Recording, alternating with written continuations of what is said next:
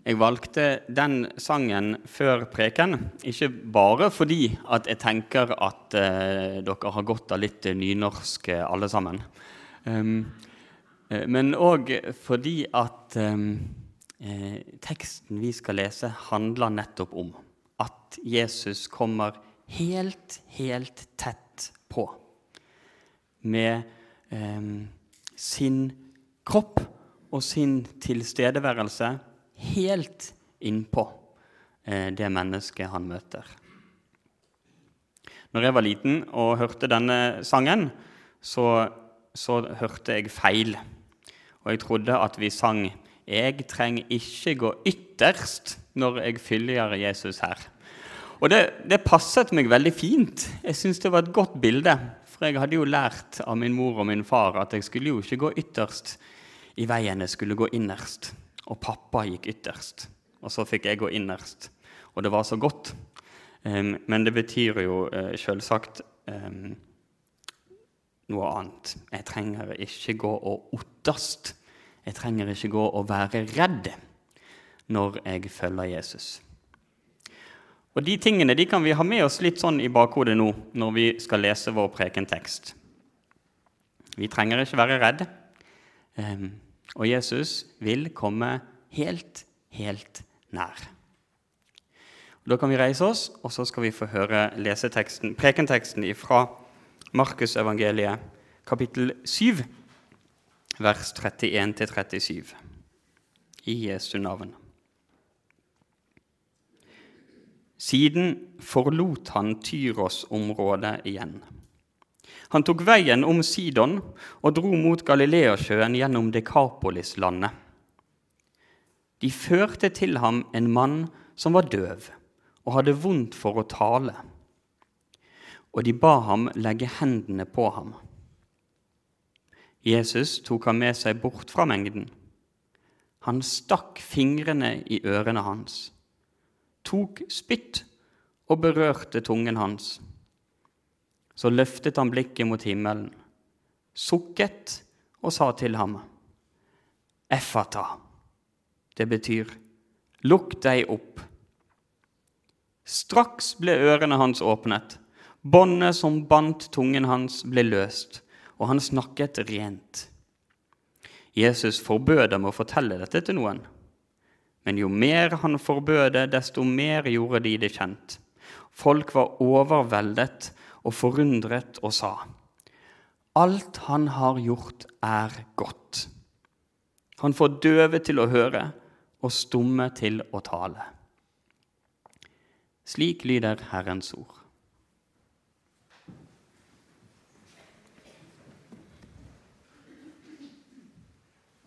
Vi skal vandre litt um, frem og tilbake i Bibelen i dag.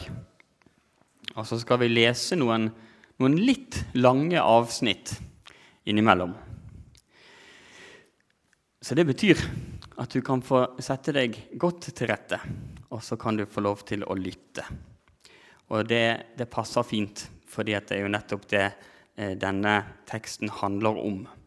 Det handler om å få muligheten til å høre. Men aller først så har jeg et, eh, et spørsmål og Det er et spørsmål som du kan tenke eh, litt på, og se om du har et eh, svar. Og Det spørsmålet det er et spørsmål som vi kunne hatt stilt til, eh, til hvilken som helst person ute på gatene. Både i Norge, men òg store deler av verden. Um, og så ville vi fått kanskje et ganske likt svar ifra mange. Og spørsmålet er dette. Hva er det kristne tror på? Hva er kjernen i kristendommen, og hva handler det om? Og Hvis vi spør noen om det, hva, hva kjernen i kristendommen er,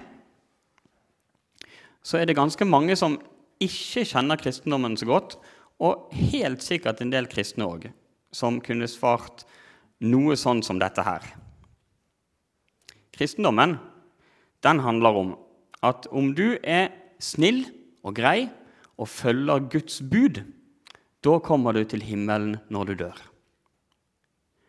Og det blir en sånn kjerne. Det blir det eh, budskapet som en del folk som ikke tror på Gud, har fått med seg.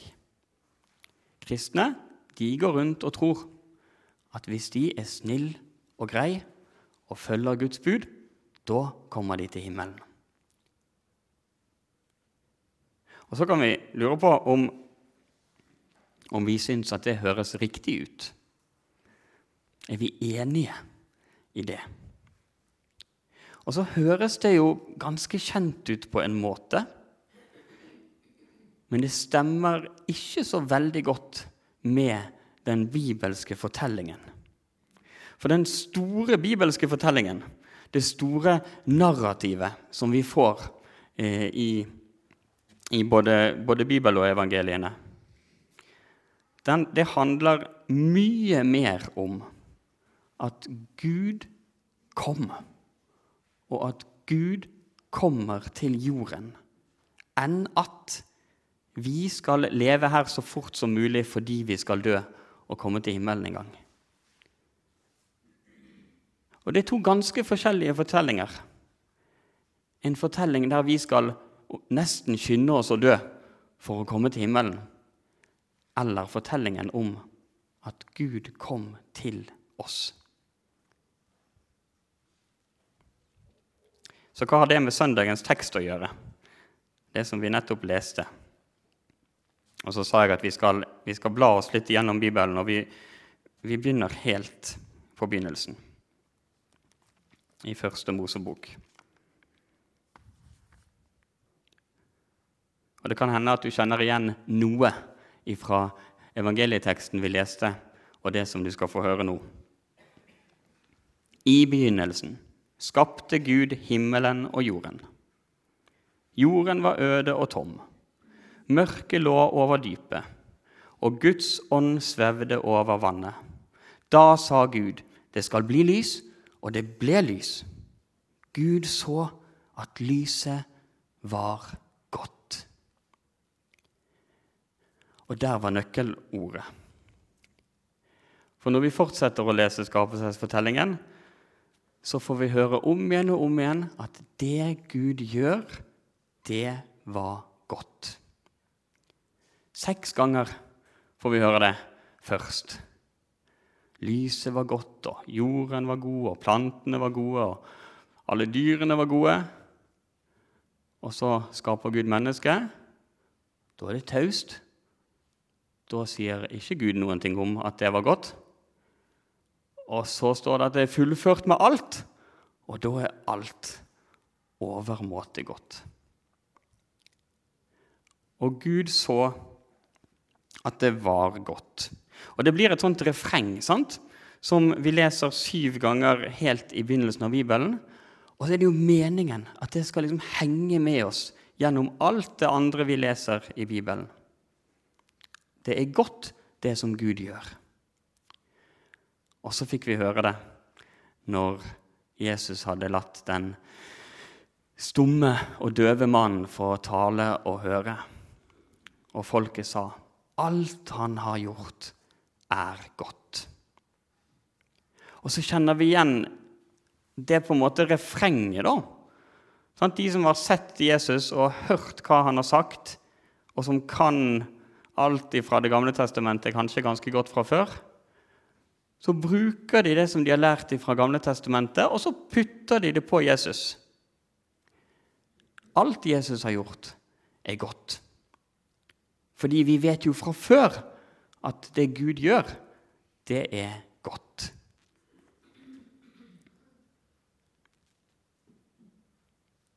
Så vi starter jo med å få presentert et skaperverk som er veldig, veldig godt. Og så får vi noen mennesker inni der som vi kan bli litt usikre på om er de gode eller ikke. For dette blir ikke sagt spesifikt om akkurat de før til slutt på en måte om alt. Og så vet vi jo hva som skjer videre. For mennesket faller. Og med menneskets fall så kommer synd både til enkeltmennesket, men også til, til menneskeheten. Til, til alle. Og alle lider fordi noen falt. Men ikke bare det. Til og med det skaperverket som var godt, det vil nå òg eh, lide. Sjøl skaperverket har blitt ødelagt av at mennesket falt. Av at de spiste for grådig av den frukten de ikke skulle spise av, og ville bestemme sjøl hva som er godt, og hva som er vondt. Så Vi har startet med å lese Bibelen, og så har vi fått presentert et skaperverk som, som vi skjønner at, at, er godt, og meningen er at det er god, men så har det blitt ødelagt pga. mennesker. Og da tenker vi med vår rettferdighetssans at, at da må jo det komme et menneske og, og reparere det igjen. Og det er nettopp det Bibelen da begynner å fortelle og presentere. At dette som har blitt ødelagt, det skal bli ødelagt gjenopprettet. Det finnes en rettferdighet i at når et menneske har ødelagt så mye, så må det komme et menneske og fikse det igjen òg. Så begynner Bibelen å presentere eh, på ulike måter eh, noe som skal skje. Det skal komme noe som skal gjenopprette det som er ødelagt. Og nå skal det bli bitte litt teknisk, fordi at Bibelen er så fin og avansert på, på, på, mange måter, og vi skal bare hoppe litt inn i noe av det akkurat nå.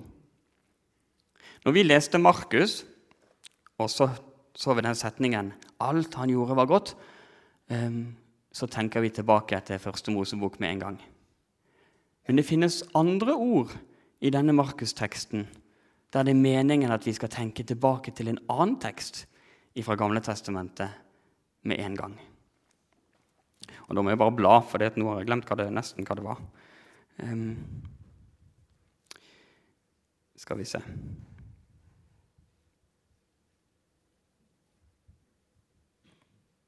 Ja. Vi hørte om en mann som var døv, og som hadde vondt for å tale. Og så hørte vi at Jesus sukket til slutt. Det finnes bare to steder i Bibelen hvor det ordet 'tungt for å tale' er skrevet eh, på samme måte. Det er her, og så er det i Jesaja 35. På samme sted, i Jesaja 35, så får vi òg høre om dette sukket. Så når vi da leser i Markus og så får vi høre om det er tungt for å tale, det er noe sukk. Da skal vi liksom, bare fordi vi kan det så godt, så skal vi tenke tilbake til Jesaja med en eneste gang. Så da må vi gå tilbake til Jesaja, da. Og så må vi se hva blir koblingen da fra Jesaja og til akkurat dette Jesus gjør. Og Da må vi starte med Jesaja 34, selv om vi skal til Jesaja 35. fordi det, bli, det, må, det er sånn det må bli i Isaiah 34. Da har vi denne skapelsen som har blitt eh, ødelagt på et vis. Og så, og så, begynner det å komme noen ord om ting som skal skje, åssen ting skal bli. Og det første vi får høre, det er at det skal rett og slett gå skikkelig, skikkelig dårlig. Kom og hør, dere folkeslag. Lytt, dere folk. Vi er allerede på ører. Jorden og alt som fyller den, skal høre, verden og alt som spirer der. For Herren er harm på alle folk, han er vred på hele deres hær. Han har slått dem med bann og gitt dem over til slakting. De drepte blir slengt til side, stank stiger fra likene, og blod flyter på fjellene. Oppløst blir hele himmelens hær. Som en bokrull blir himmelen rullet sammen. Hele dens hær skal visne som løvet på vinstokken visner, og frukten på fikentreet skrumper inn. Og så fortsetter det sånn. Og så presenteres det enda en, en jord som skal bli en, en ødemark. Og det er fryktelig dramatisk, og så er det jo et, et poetisk språk, eh, selvsagt. Så åssen ting nøyaktig skal se ut, hva vet vi? Men vi får presentert at det går mot eh, ødemark på denne jorden her når folk fortsetter sånn som de gjør. Det blir bildet som vi blir representert for. Men så kommer det like etterpå, i Isaiah 35. Der får vi presentert noe annet. For det er jo ikke ødemark som er Guds vilje, ikke sant? Når Gud skapte alt godt, så har han jo lyst til at det skal kunne eh, både være godt, men også bli godt igjen på nytt. Så den profetien om at hvis vi fortsetter som vi gjør, så går det dårlig, den, den kan vi på en måte skjønne at det, det, er bare sånn det er. Det er nesten så det blir en naturlov. Men Gud stopper ikke med det. Han vil gi oss et løfte om noe annet. Så når vi kommer til Isaiah 35, så dukker løftet opp. Og Da skal jeg lese en god del av det. Men ørken og tørt land skal glede seg. Ødemarken skal juble og blomstre. Som liljen skal den blomstre og juble, ja, rope av fryd.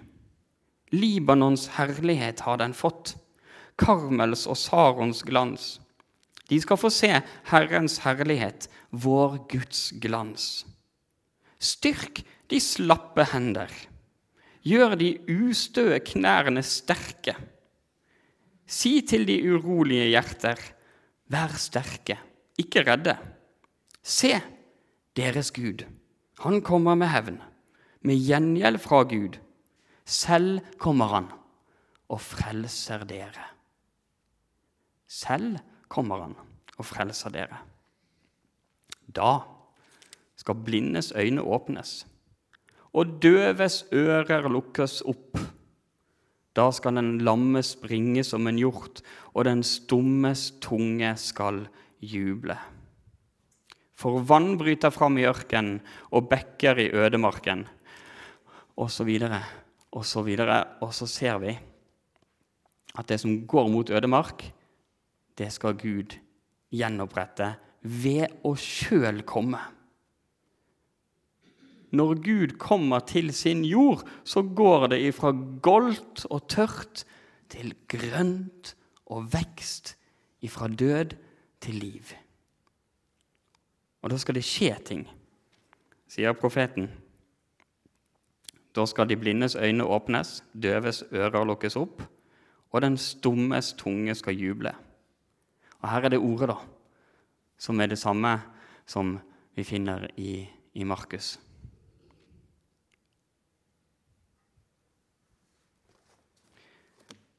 Så Bibelen den, den gir oss dette, dette løftet om at Gud sjøl skal komme.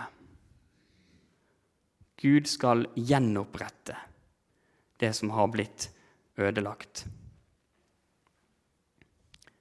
Og det er her Jesus kommer inn. For vi kan så fryktelig fort tenke at, at ja, dette er sant, og det må bety himmelen en gang, når alt skal bli nytt.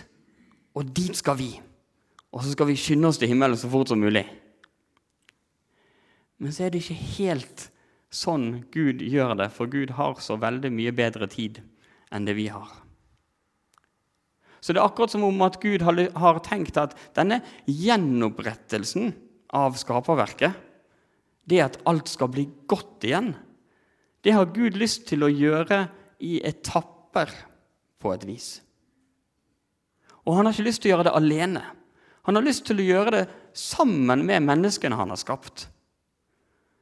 Sånn at ikke bare skal menneskene få bli frelst, men de skal òg få muligheten til å bli med på den eh, gjenopprettelsen av det som har gått galt, som de er ansvarlige for.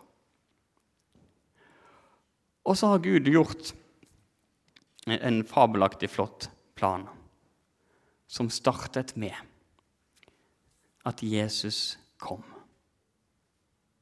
Og juleevangeliet som vi skal få høre om noen måneder, om Emanuel, Gud med oss.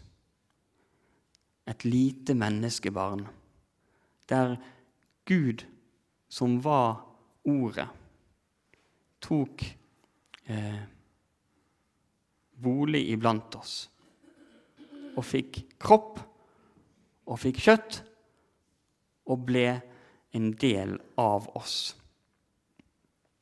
Gud kommer like nær som de menneskene som sitter rett ved siden av deg.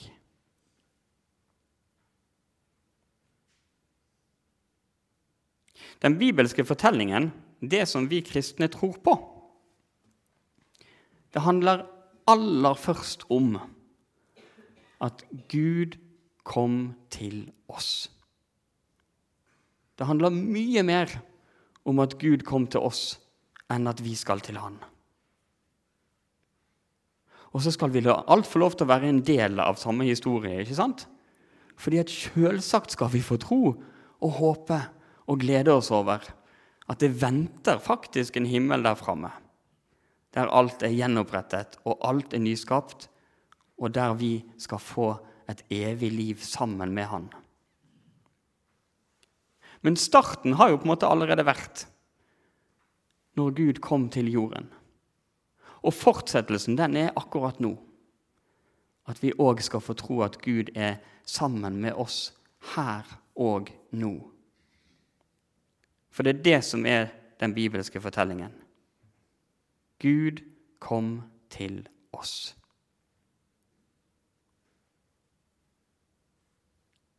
Og når Jesus kom, så kom han både med, med, med budskap og undervisning, og så kom han med handling. Ting som han gjør. Handlingen hans, det Jesus gjorde, det var at han gikk omkring og gjorde godt. Alt han har gjort, er godt.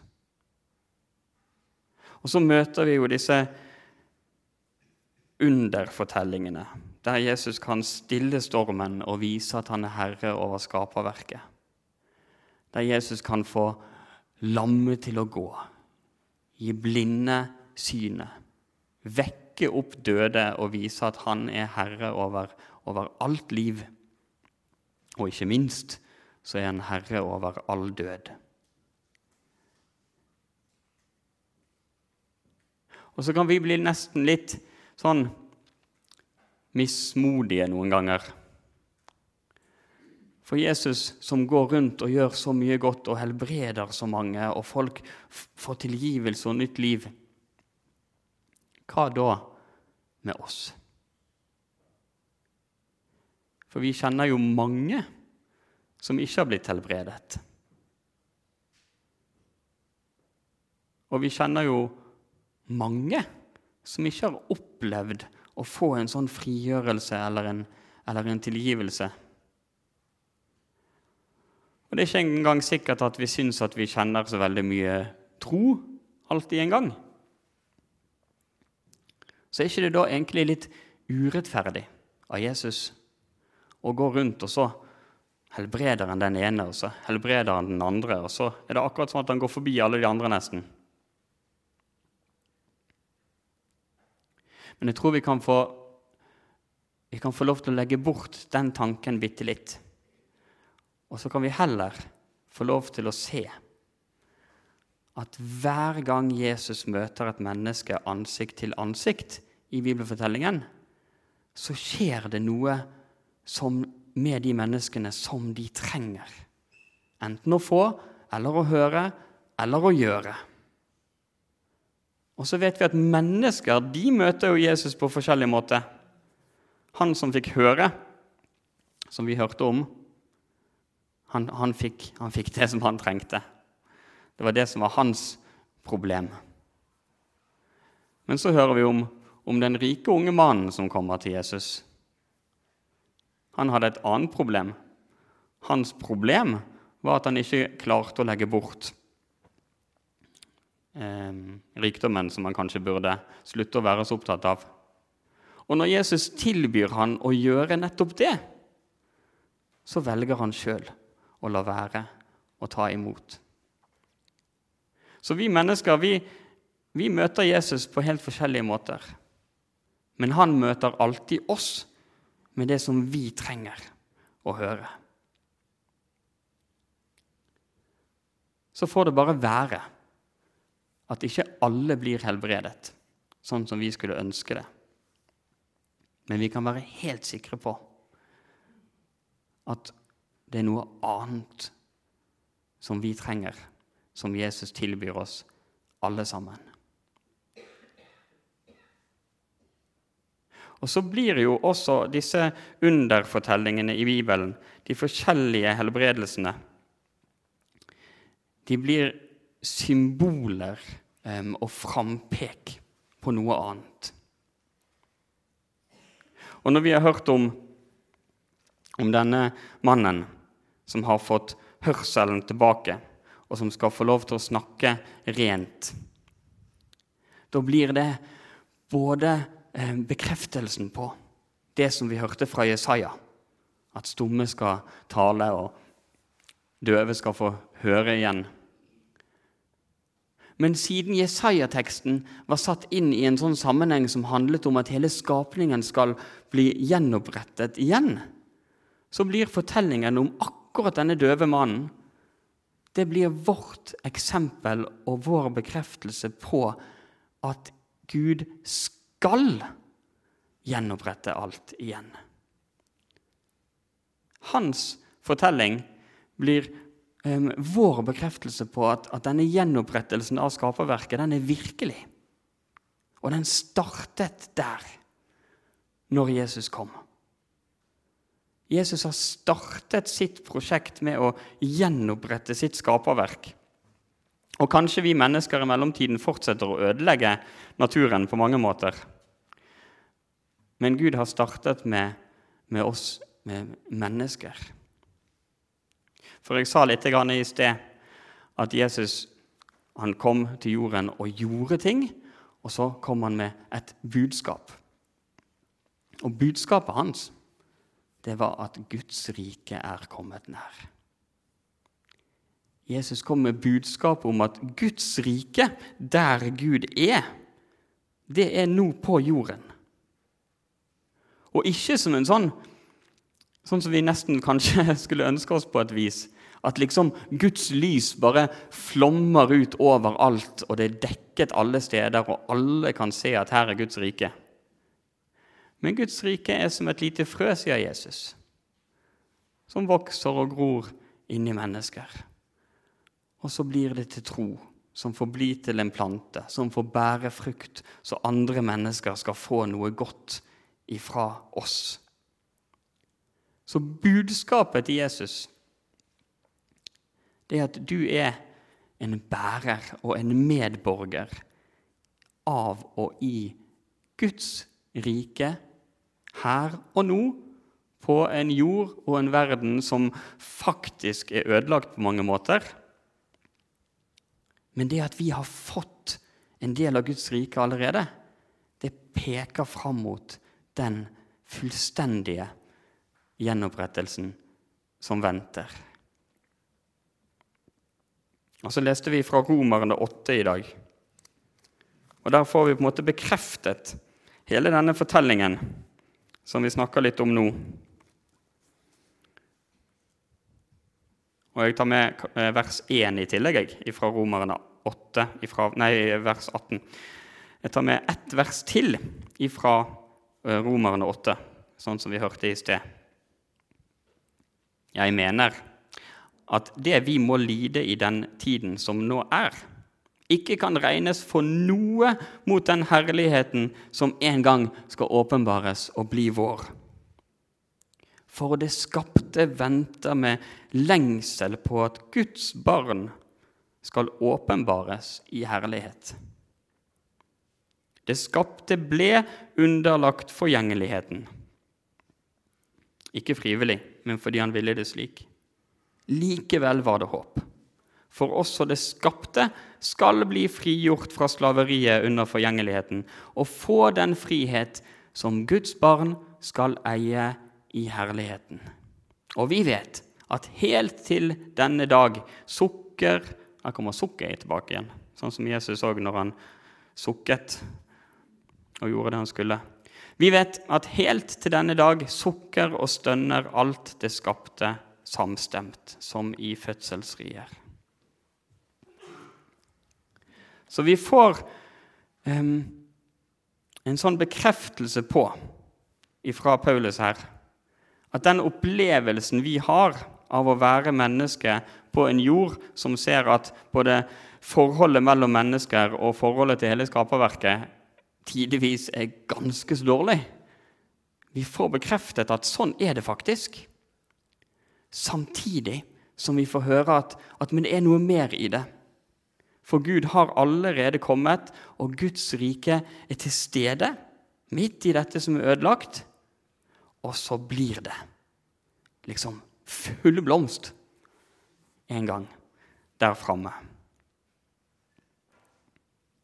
Og så skal jeg avslutte med å, å, hoppe tilbake til Salme 40, som vi òg leste.